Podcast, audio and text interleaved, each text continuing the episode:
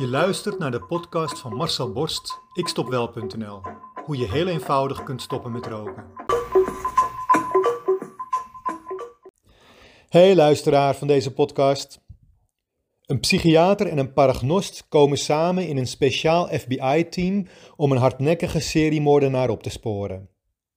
Het zijn gruwelijke, maar wel pijnloze moorden door een metalen spies van 15 centimeter achter in de nek, net onder de schedelrand, in één keer naar binnen te drukken, waardoor je direct van deze wereld bent verlost.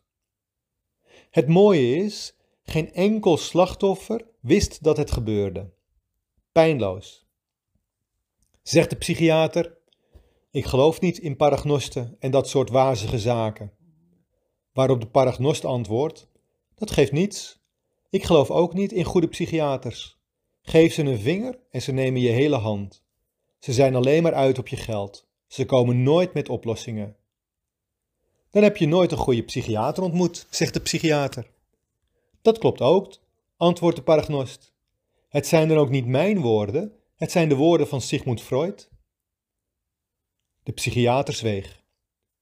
Sigmund Freud kende zijn collega's blijkbaar beter dan anderen zoals ik ook mijn collega's ken. Tenminste, als je de stoppen met roken oplossingen van de tabaksindustrie en van de farmaceuten, van de huisartsen, van de longartsen, oplossingen die niet werken maar wel veel geld kosten, mijn collega's wilt noemen. Ik doel dus op de nicotinepleisters, de medicijnen, de goed bedoelde stoppen met roken coaches en de rookpolie in de ziekenhuizen. Iedereen doet natuurlijk zijn best. En elke roker die stopt met roken is winst. Maar waarom zou je de moeilijke weg kiezen als het ook makkelijk kan? De vraag is waarom je een half jaar lang dure pleisters moet plakken die de verslaving alleen maar voeden als je weinig kans hebt op succes. Of waarom je je lijf moet volgooien met zwaar deprimerend gif van medicijnen met heel veel bijverschijnselen en slechts een hele kleine slagingskans. Waarom een half jaar lang op kosten van de maatschappij naar de rookpolie gaan als het merendeel daar toch niet stopt met roken? Geef ze een vinger en ze nemen je hele hand. Ze zijn alleen maar op je geld uit. Maar jij vraagt toch ook geld voor jouw programma, hoor ik je nu denken? Dat klopt. Ik heb namelijk ook een hypotheek die betaald moet worden. En dit is nu eenmaal mijn betaalde baan. Rokers snel en makkelijk van het roken afhelpen.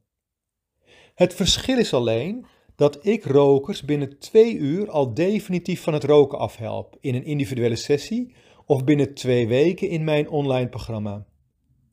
Het verschil is dat ik 86% niet-rokers aflever. Het verschil is dat de investering die de roker bij mij doet binnen een maand alweer helemaal is terugverdiend, omdat ze niet meer roken.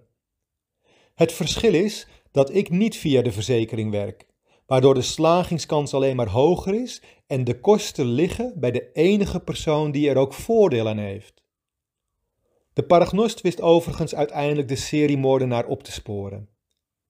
Het blijkt dus inderdaad niet nodig te zijn om er ook in te geloven. Net zoals ik straks de seriemoordenaar uitschakel die het nu nog op jou heeft gemunt. Jouw sigaret. Ook daar hoef je vooraf niet in te geloven. Als je het maar doet. Met mijn begeleiding. Heb je interesse? Ga dan naar mijn website ikstopwel.nl en schrijf je in.